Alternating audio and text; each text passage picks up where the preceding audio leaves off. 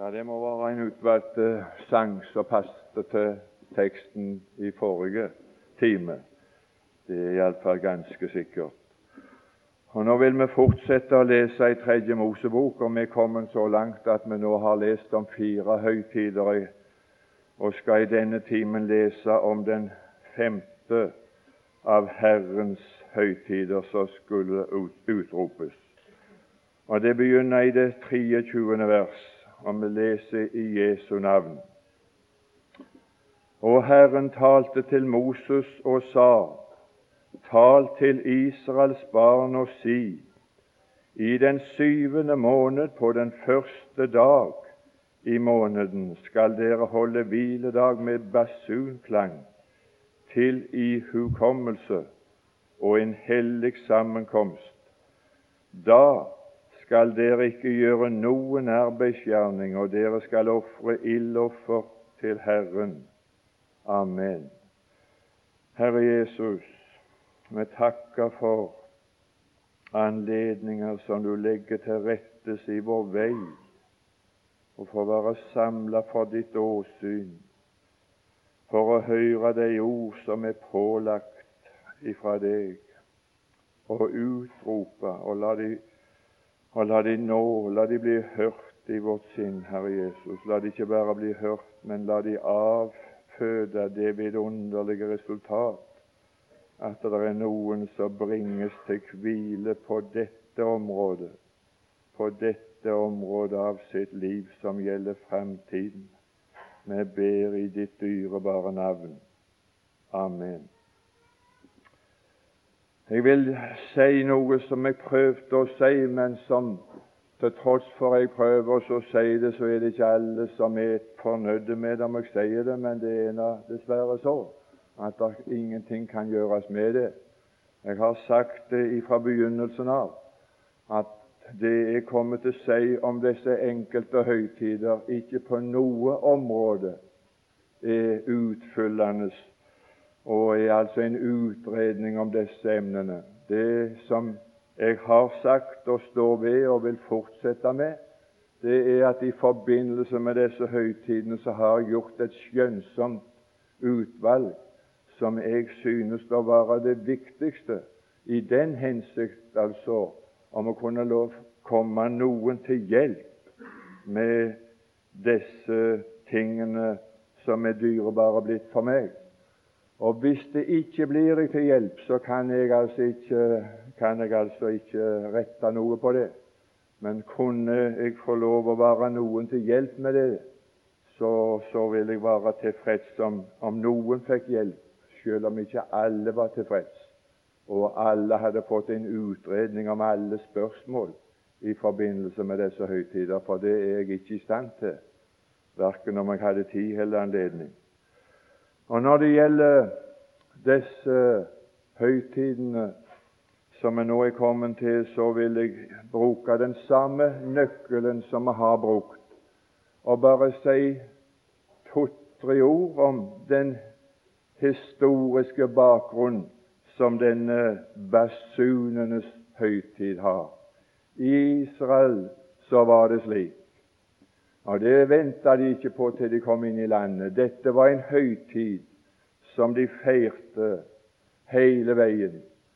Og det var en høytid hvert bidige år. På den første dag av den syvende måned så ble det hviledag. Og da ble det en hviledag på grunnlag av at de hørte basunlyd, basunklang basunenes høytid brakte de Når de hørte basunlyden på denne dagen, så, så ble det høytid, og så ble det hvile, og så la de ned arbeidet, og så fikk de seg ei feststund. Og denne basunlyden som de hørte, det var en lyd av basuner som var lagd av sølv. Og det sølvet som disse basunene var lagd av, så kalte de til hvile var lagd av det sølvet som var brakt inn til Herrens hus som løsepenger for døras liv, som hadde fått sitt navn innført i manntallslistene. hver mann som ble ført inn i manntallet iblant Guds folk i den gamle pakt, de måtte gi løsepenger for sitt liv. Og den løsepengen de måtte gi for sitt liv, det var sølvpenger. Og av de sølvpengene så ble det lagt noen basuner. så denne, denne lyden og dette budskapet som brakte de til hvile på denne dagen, det hadde sin grunn i, i, i, i forløsningspengene, altså. Jeg skal ikke si mer om Det var historien. Det skulle vært sagt mye mer om det, selvsagt. Så vil jeg si om den profetiske betydning som det ligger i denne høytiden. Når det gjelder de fire som vi nå har stans for, så de, har de alle fire fått sin profetiske oppfyllelse. Påsken ble oppfylt når Kristus ble slakta. De usyrede brøds høytid ble oppfylt når noen kom i samfunn med Kristus på grunn av blodet. Dette er min kalk, den nye pakts blod, og det er velsignelsens kalk som, som gir oss samfunn med Faderen og med Sønnen. For et velsigna samfunn og for en høytid å hvile det er. Og det er oppfylt. Det er ikke noe vi venter på. Og førstegrødens kornbånd som ble svingte, det er ikke en høytid vi venter på. Den ble oppfylt på påskemorgen når Kristus oppsto ifra de døde og ble førstegrøden. Pinsefestens dag den begynte ikke i, i apostelgjerningene 2, men pinsefestens dag begynte for første gang 50 dager etterpå de var kommet inn i løftets land, som Josvas bok forteller om. 50 dager etter de hadde tatt et kornbånd av grøden i løftets land og svingt det kornbåndet for Herrens åsyn. 50 dager etterpå så var det pinse, men den pinsen fikk sin profetiske oppfyllelse i apostelgjerningene 2 basunenes høytid, har ennå ingen profetisk oppfyllelse fått. Det er noe vi fremdeles venter på skal bli oppfylt. Og Jeg hadde lyst til å si noe hva vi venter på. Vi venter på å høre basunlyd. Det er ikke hvilken som helst slags lyd vi venter på. Vi venter ikke på et atomsmell, lyden av atombomber. Det venter jeg ikke på. Men jeg venter å høre lyd av basun. Det er det som Guds folk har å vente på. En velsigna lyd å vente på og få høre på for alle som hører Herren til. Første Korintiabrev, 15. kapittel, forteller om når basunenes høytid skal få sin profetiske oppfyllelse. Første Korintiabrev, 15. kapittel og det 52. vers forteller oss denne dyrebare sannhet at basunen skal lyde og den som skal blåse i denne basunen, det sier 1. Korintiabrev 4 og det 16. vers. Herren selv skal komme ned ifra himmelen med Guds basun. Jo, vi venter på, og vi venter på at straks den lyden blir hørt av Guds folk, så begynner det en høytid og en høytidskvile som jeg og du aldri har opplevd maken til. I, det ti, i, i, i Fjerde Mosebok, det tiende kapittel, fra begynnelsen av, så står det en beskrivelse om basunenes høytid. Og i det tiende verset står det at på eders gledes dager og høytid skal det støtes i basunen. Og du og du, for en dyrebar sannhet, at det Guds folk venter på, det er å høre at Guds sønn skal blåse i Guds basun, som skal frembringe en gledesdag for alt Guds folk, som de aldri har opplevd maken til tidligere i sitt liv. På eders gledesdager, å, det er ingen livligere lyd å få høre en basunlyden som forteller oss om at nå er basunenes høytid inntrådt. Skal lese litt mer. Det andre jeg vil si om den profetiske oppfyllelse som vi venter på Vi venter at det skal blåses i, i basunen, i Guds basun. Men Guds basun i Det nye testamentet, den lyden som jeg og du skal høre av Gud, den skal også være lagt av ikke Vi ble ikke, vi ble ikke løst og løskjøpt med sølv eller gull, men med Kristi dyre blod. Og den basunlyden skal være lagd av Jesu Kristi forløsning. Efeserbrevet, det første kapittel, det er det som vi venter på. Det er den neste høytid. Det er den første høytid vi venter på, som vi ennå ikke har hatt ledning til å nyte. Efeserbrevets første kapittel og det 14. vers. Eiendomsfolkets forløsning. Han kommer snart. Han kommer snart. Min kjære venn, og salig den som alt har klart, som renset står i lammets blod. For han skal blåse i en basun som har med forløsningen å gjøre, og så gjelder bare eiendomsfolkets forløsning. Ja, ja, jeg kan ikke si noe mer om det heller. Jeg vil få lov å nevne som det siste i, i det vi venter på. Denne høytidsdag som vi venter på, som er forbundet med basun. Der står at ved den siste basun Ved den siste basun. Og Da vil jeg iallfall si til deg altså at det har ikke noe med den siste av basunene i åpenbaringen. Vi skal slippe å høre noen av de første basunene i åpenbaringen, noen av de som hører Herren til. Du skal slippe å vente på den siste av de basunene. Men det som jeg og du skal få høre, det er Guds basun. Når Herren selv kommer ned og blåser i Guds basun, det blir den siste basun. Hvorfor?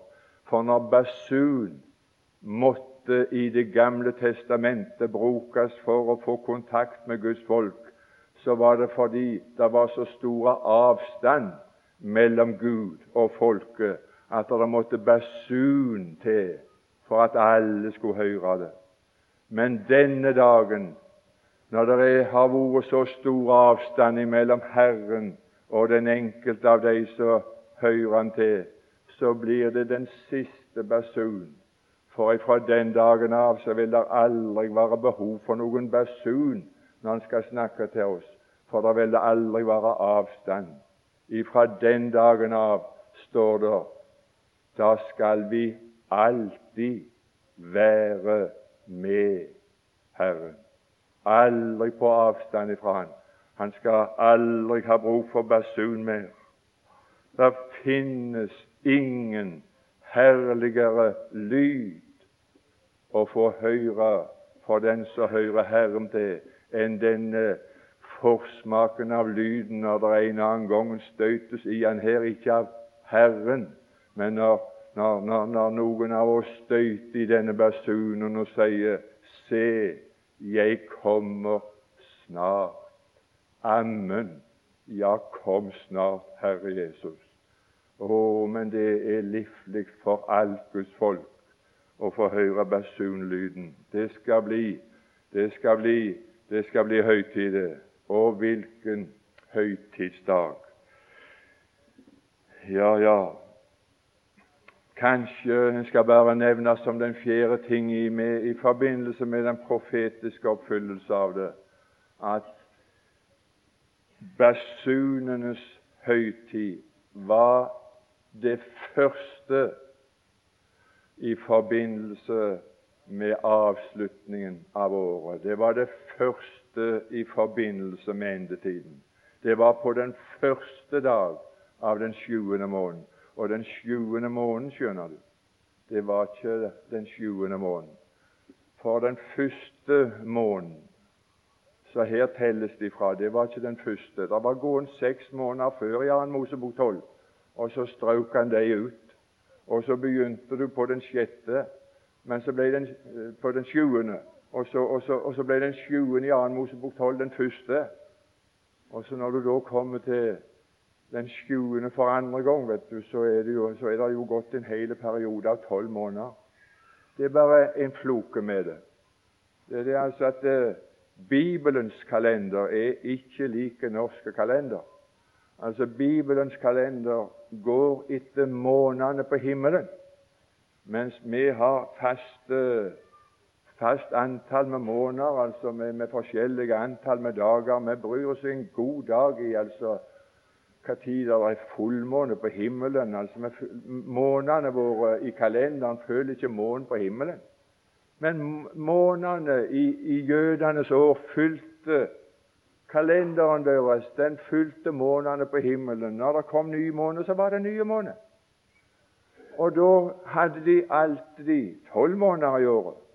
Men når de hadde hatt tolv måneder i året, så var det ennå over elleve dager igjen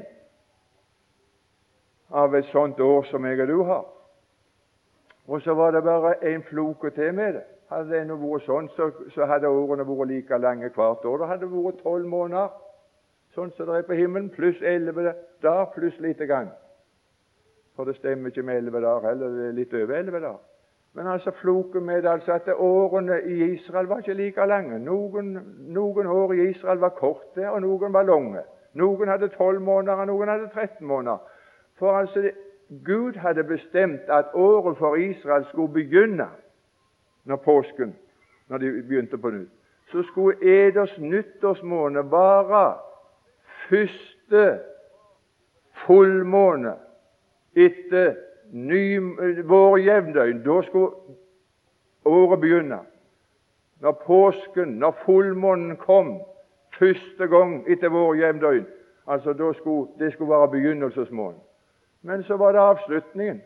Og det hadde noe også med, med høstjevndøgn å gjøre, men det hadde med avlingene å gjøre. Altså Den sjuende måneden, det som skulle være avslutningen av året, da skulle avlingen være moden. Og det var ikke alltid at avlingen var moden akkurat på samme tid. Så, så måtte de vente med, med, med å forlenge året til dess avlingen var moden. Så Somme år så måtte de strekke det langt, og andre tider så måtte de krympe de sammen for å få dette til å stemme. Det var løgne greier. Det er ikke sånn som er. Det er sånn skulle du hatt det. Da hadde det blitt virvar. Men det var ikke noe virvar der nede. Men det er noe med dette som jeg hadde lyst til å si. Det er I forbindelse med alt dette så er det en åndelig betydning, og det er den som betyr. Og Nå vil jeg ta noen minutter til å prøve på å gjøre deg oppmerksom på noe av det som jeg anser for å være det viktigste av den åndelige betydning i forbindelse med at Herren kommer og henter sitt folk hjem ved bortrykkelse. Det var den første i syvende måned, altså slutten av året, når avlingen skulle være moden. Da er det noe som Jesus sa i apostelgjerningene så er en åndelig sannhet som du bør skrive deg bak øret. Apostelgjerningene 1 og det sjuende vers. Det tilkommer ikke eder å vite tider. Det var ingen i Israel som visste hvor langt året ble når de begynte på det. Det ville, det ville ha med hvorledes avlingen altså utvikla seg og ble moden. Hvis det ble lenge før avlingen ble moden, så ble året langt. Og ble avlingen moden tidlig, så ble året kort. Ingen kunne vite hvor langt året ble. Og der ligger en sannhet. Ingen av oss kan vite hvor lenge det er før Jesus kommer igjen. Vi må alle sammen finne oss i, vi som venner oss til Gud ifra avgudene, sånn som tessalonikerne gjør, at vi må finne oss i å vente. Vi må bare vente på å høre basunlyden. Vi vet ikke tid, og vi vet ikke stund når Herren skal komme igjen. Men vi vet bare det kommer til å bli hørt en basunlyd. Og vi venter på å høre den basunlyden. Men det er litt mer. Det er bare det med at for de som levde etter hvert som året gikk, så var, det, så var det noe som de kunne være øyenvitne til når det nærma seg imot avslutningen av året. Om det ble kort eller langt, det visste de ikke. Men det var noe som de begynte å ane og se. Nå ser det ut for at det begynner å modnes. Og når det er fullmoden, ja, det er i midten av, av den avslutningstida, det første som skal skje før det blir moden, før det blir ganske moden, da skal det være basunlyd. Og vi skal høre basunlyden før det blir ganske modent. Lukas evangeliet, det 17. kapittel og det 26. vers. Lukas evangeliet 17, 26 står likesom det gikk i Noas dager. Og i Noas dager får vi den opplysningen i første Mosebok 7,11 hvorledes det da gikk. Da gikk det slik at alle kilder i det store dyp, og himmelens sluser oventil de ble åpna, og så foste det både opp og ned. Det var to strømmer. Det var strømmer som kom nedenifra, og så var det strømmer som kom ovenifra og lagde en oversvømmelse som den store trengsel er blitt ligna med. Det skal komme en stor trengsel, sa Jesus, som det aldri har vært maken til, verken før eller seinere, fra verdens skapelse av sjøl. Vannflommen var ikke så stor trengsel som den store trengsel er, men det var en sammenligning like som det gikk. Og det som var den gangen, sånn som det da gikk, det var at det foregikk en bortrykkelse av Enok før slusene åpnades, og før himmelens sluser òg åpnes, før det brøt ut for fullt. Der foregikk en bortrykkelse først i, ved den endetiden av den verden som da var, som gikk unna. Og i 2. Peters brev, det tredje kapittel og det ellevte vers, så står det da nu alt dette oppløses, hvor må dere da ikke strebe etter hellig frykt og hellig ferd i det dere venter på? Og så står det i den som jeg har, den Bibelen som jeg holder for å være den oversettelsen som jeg holder for å være en av verdens beste, så har han sine svake punkter på enkelte områder, også den. For der står det i det dere venter på å fremskynde Guds dags komme. Men den Bibelen som han eh, så Rognsvåg har avertert at han ønskte å få så mange til å bestille og kjøpe den gamle norske. I den oversettelsen står det, den eldgamle norske, som han har funnet grunn for, altså at vi i denne forvirringens tid kunne ha noe gammelt, kunne ha nytte av å støtte oss til noe gammelt. Der står det ikke noe som støtter den tanken at jeg og du kan fremskynde Guds dags komme. For det er det ingen av oss som kan gjøre noe med, for den er fastsatt.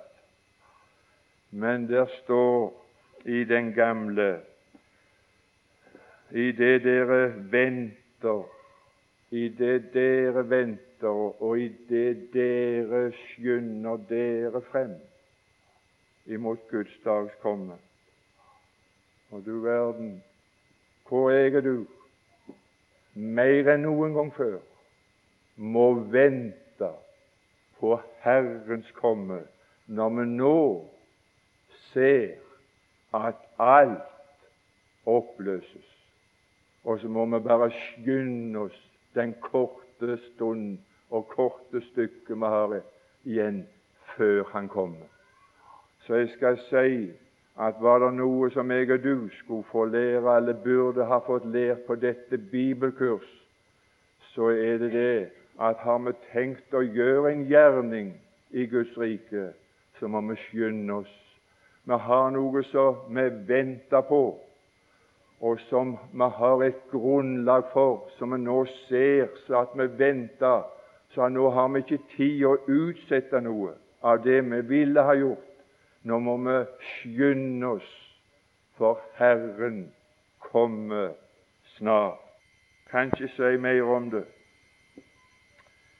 Men Lukas 21. kapittel og det 26. vers så er det noe vi er øyenvitner til, som alle kan være vitne til. Denne modningsprosessen, denne oppløsningsprosessen, er noe som alle er øyenvitne til og kan konstatere når du bare blir gjort oppmerksom på det og setter det i denne forbindelse, så ser du det.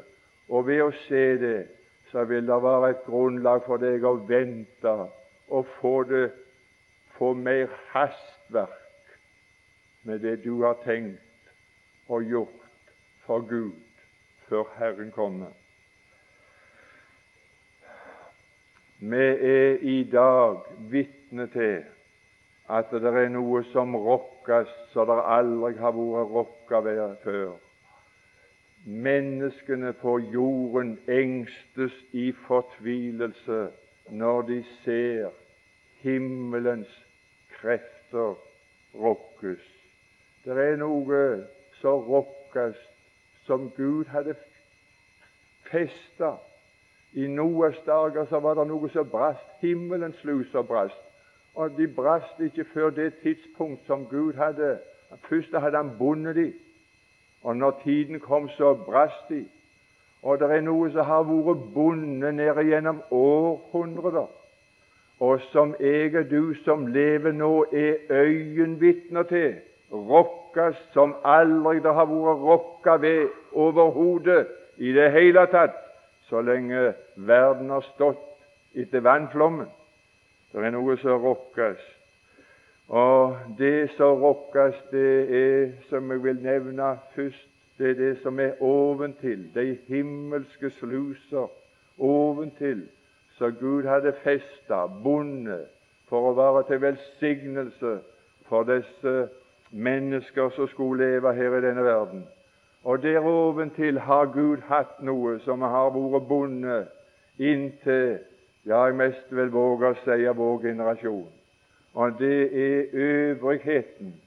Det Romerbrevet, tolvte kapittel, forteller oss at øvrigheten, enhver øvrighet Det er ingen øvrighet uten at den øvrigheten er innsatt av Gud. Og det er nødvendig for den enkelte av oss å tenke på tidspunktet når, eh, når Paulus skrev romerbrevet hvem som utgjorde øvrigheten i rom på det tidspunktet, i verdens rike rom. Det var verdens største dispot. Det var keiser Nero. Men det er ingen øvrighet uten at han er innsatt av Gud sjøl. Nero er bedre enn ingen øvrighet. Anarki og kaos, det er umulig for mennesker i verden å leve levelig med anarki og kaos. Så den dårligste, den beste øvrighet er bedre enn ingen øvrighet.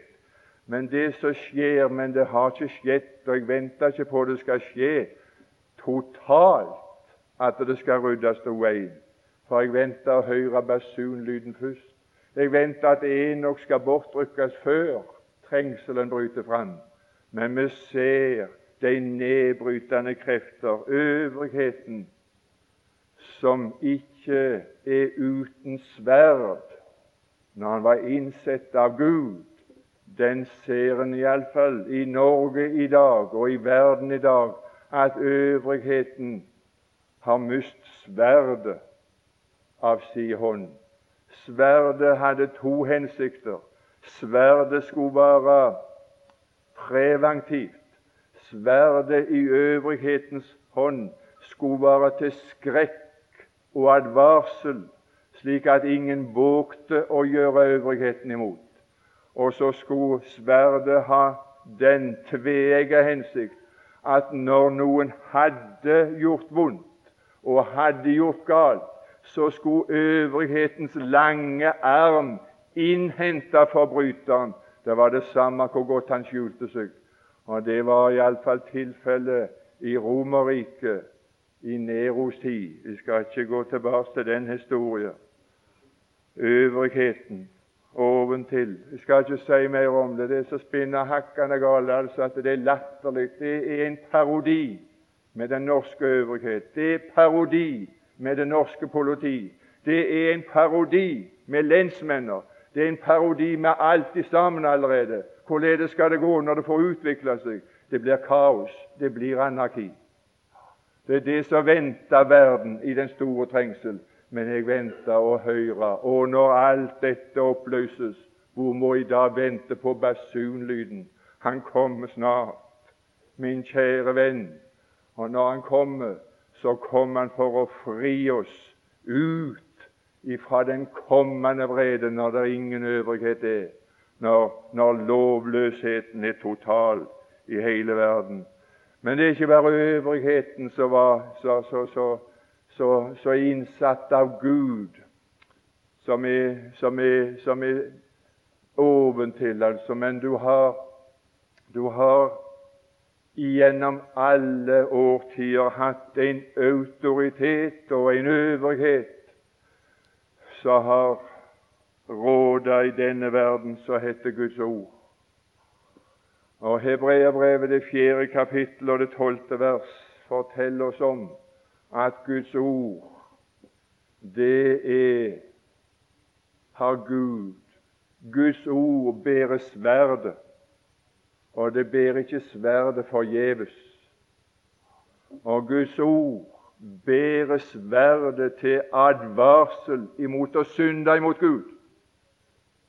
Og Guds ord bærer det sverdet, og er det sverdet, at den vet og innhente den som har synda. Hvor vil du fly? Hvor vil du fly ifra Gud? Men det som er det forferdelige på våre områder, ikke bare i Norge, men i verdens målestokk, det er jo det som er det avgjørende hvis det skal ha profetisk betydning at det er noe å se, så er det ikke noe som vi ser lokalt, men det er noe som er globalt. Det er at ikke i Guds øyne og ikke i realiteten har Guds ord tapt noen sverd. Men hvor er sverdet henne iblant de som bruker Guds ord? Hvor er sverdet henne? Jo, det var her i går kveld. Selv fosterberg det. Jeg holdt på å ta knekken på meg. Jeg skal si Guds ord var levende. Jeg skal si Guds ord var kraftig i går kveld, fordi sverdet var der. Guds ord er levende og kraftig. Det er tveegget sverd som trenger igjennom og dømmer hjertets tanker og råd. Men i dag er det ikke Guds ord som dømmer, men i dag er det menneskene som dømmer Guds ord. Er det kaos? Er det blitt anarki i forkynnelsen? Er det blitt kaos i møtevirksomheten, i kristenheten? Ikke bare i Norge.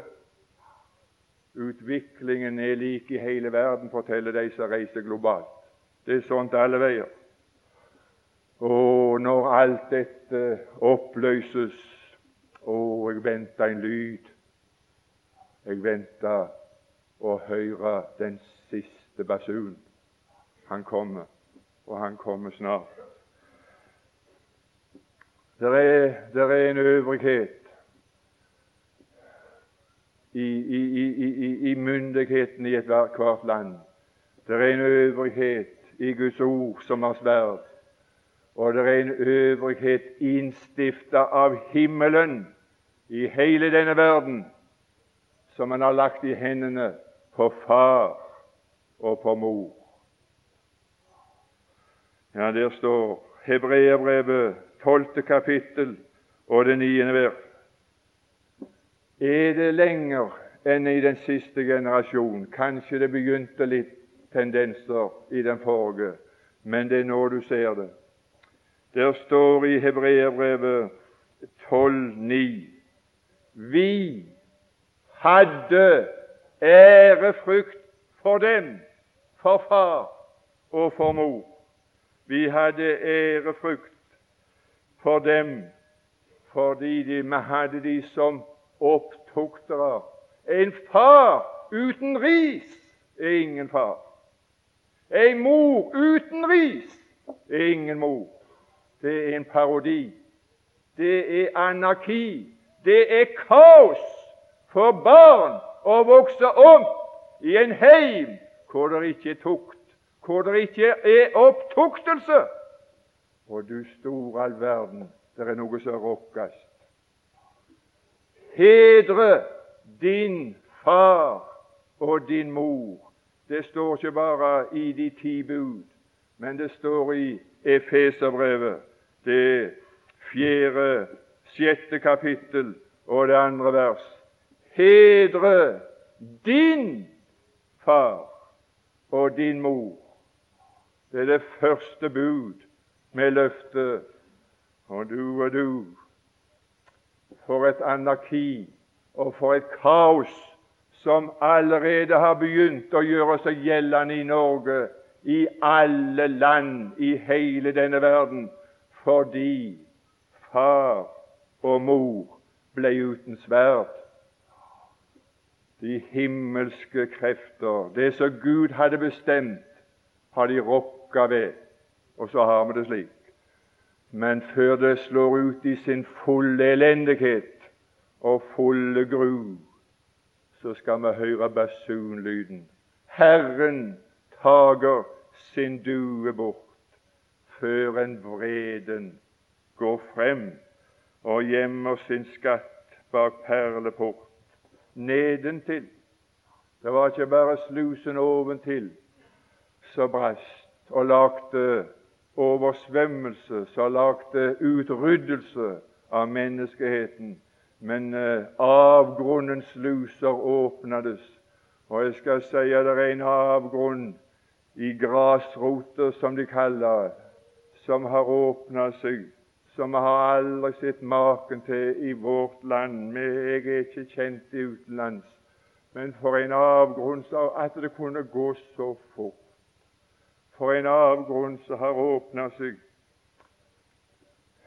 iblant ungdom, blant folket vårt. Jeg skal lese bare i 2. Tessalonikerbrev. Der står i det andre kapittel og det sjuende vers Lovløsheten. Jeg har en hemmelighet. Lovløshetens hemmelighet er alt virksom iblant oss bare at den som nå holder igjen, ryddes av veien. Jeg er kjent med den tanken, og han har vel en åndelig Det går an å ha altså en åndeliggjørelse av ordet. I den retning at Den hellige ånd er årsak til å holde igjen for dette djevelskapet. Men eh, det som ryddes av veien i dag, det er ikke Den hellige ånd, for det er ingen som kan rydde Den hellige ånd av veien. Det kan jeg trøste deg med. Men det er noe som de kan rydde av veien fordi Gud har forutsagt at det skal de få lov til. De skal få rydde av veien. De skal få rydde av veien øvrigheten som har holdt avgrunnen i sjakk. De skal få rydde Guds ord av veien som har holdt djevelskapen i sjakk. De skal rydde foreldrene av veien, slik at barna skal få lov å bli villdyr uten å ha far, uten å ha sin mor. Det, det, det, det, å. Hvis det ikke hadde vært noe som hadde hett basunenes høytid, så hadde jeg for min part fortvilt med tanken på de dagene som ligger foran oss.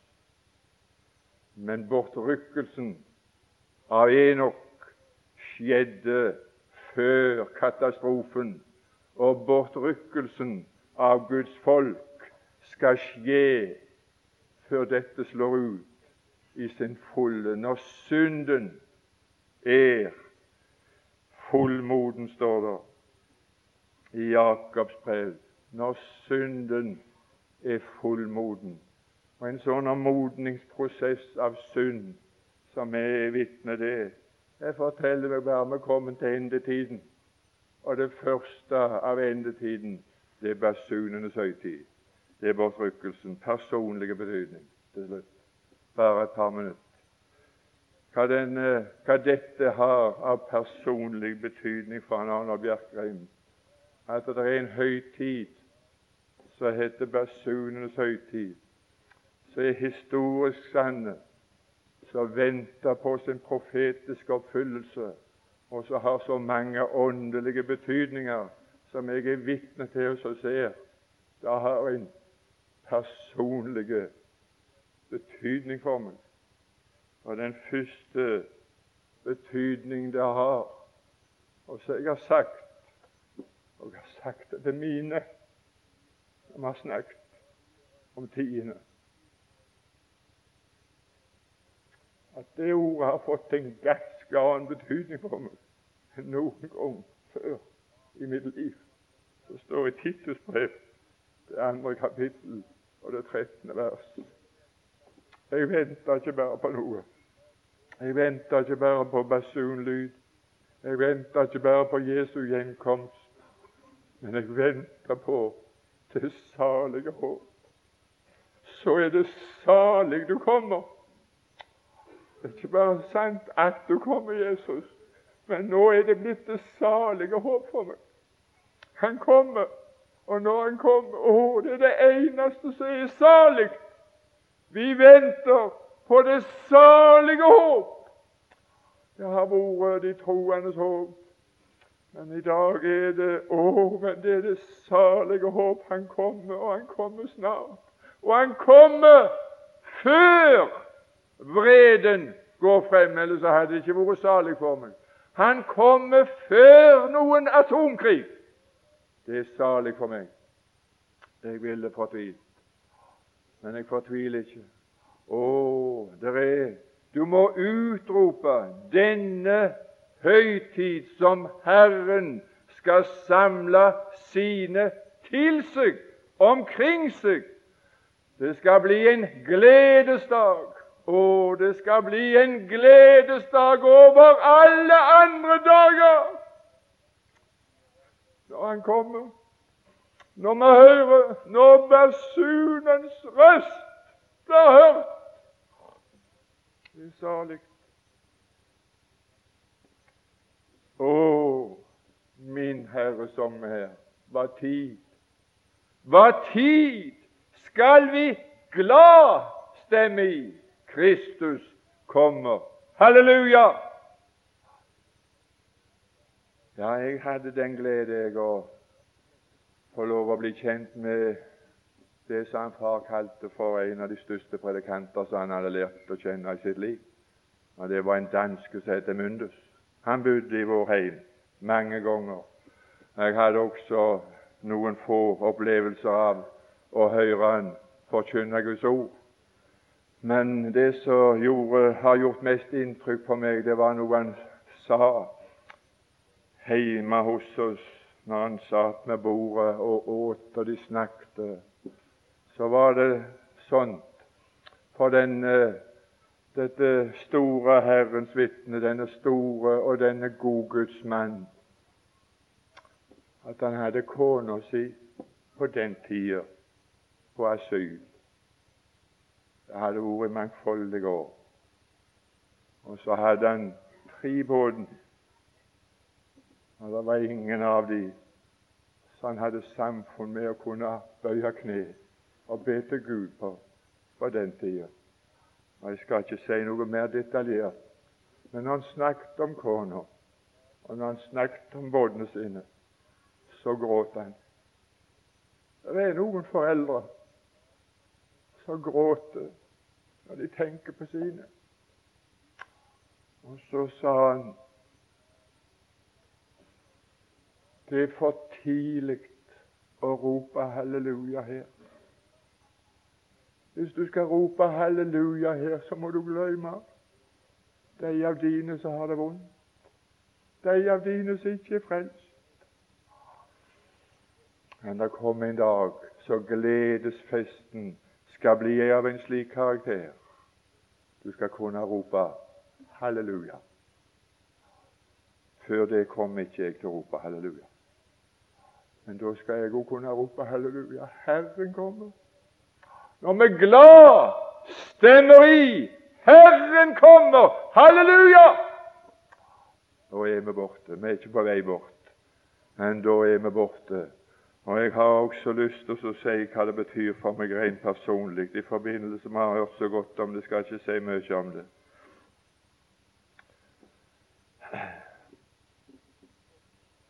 Det første før jeg nevner det til slutt, det var bare det som det betyr for meg at det jeg har tenkt å gjøre i mitt liv for Herren, som jeg hadde lyst til å gjøre og hadde tenkt å gjøre og vil gjøre, det har ikke hast først og fremst for at jeg nå begynner å bli gammel.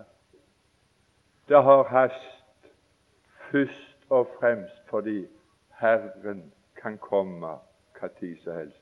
Jo, vi skal ha store virksomheter høsten. Jeg skal love å komme der, og jeg skal love å komme der. Ja, men Herren kommer igjen før vi kommer hjem. Det er ikke sikkert at du får noen dag. Det har grufulle hest. Det der, sier en, hvis vi skal slå noe fast, så sier vi det er så sikkert så døden, og så, så, tror vi vi har slått det fast. Det er noe som er sikrere enn døden. Det er ikke så sikkert at han Arne Bjerkan kommer til deg. Det er ikke sikkert. Det er noe som er ganske sikkert. Det er at Herren kommer.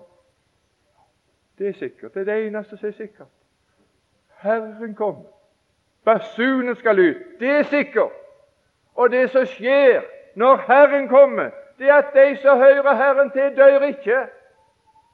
Dette dødelige vil bli oppslukt av livet.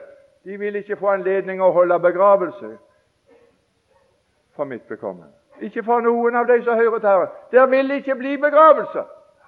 Dette dødelige vil bli oppslukt av livet. Og så betyr det noe vidunderlig. Det betyr det vidunderlige Venner jeg elsket for lengst, for lengst vil bli der. Og så står det 'og sammen med dem'. Og det betyr det for meg. Basunenes høytid.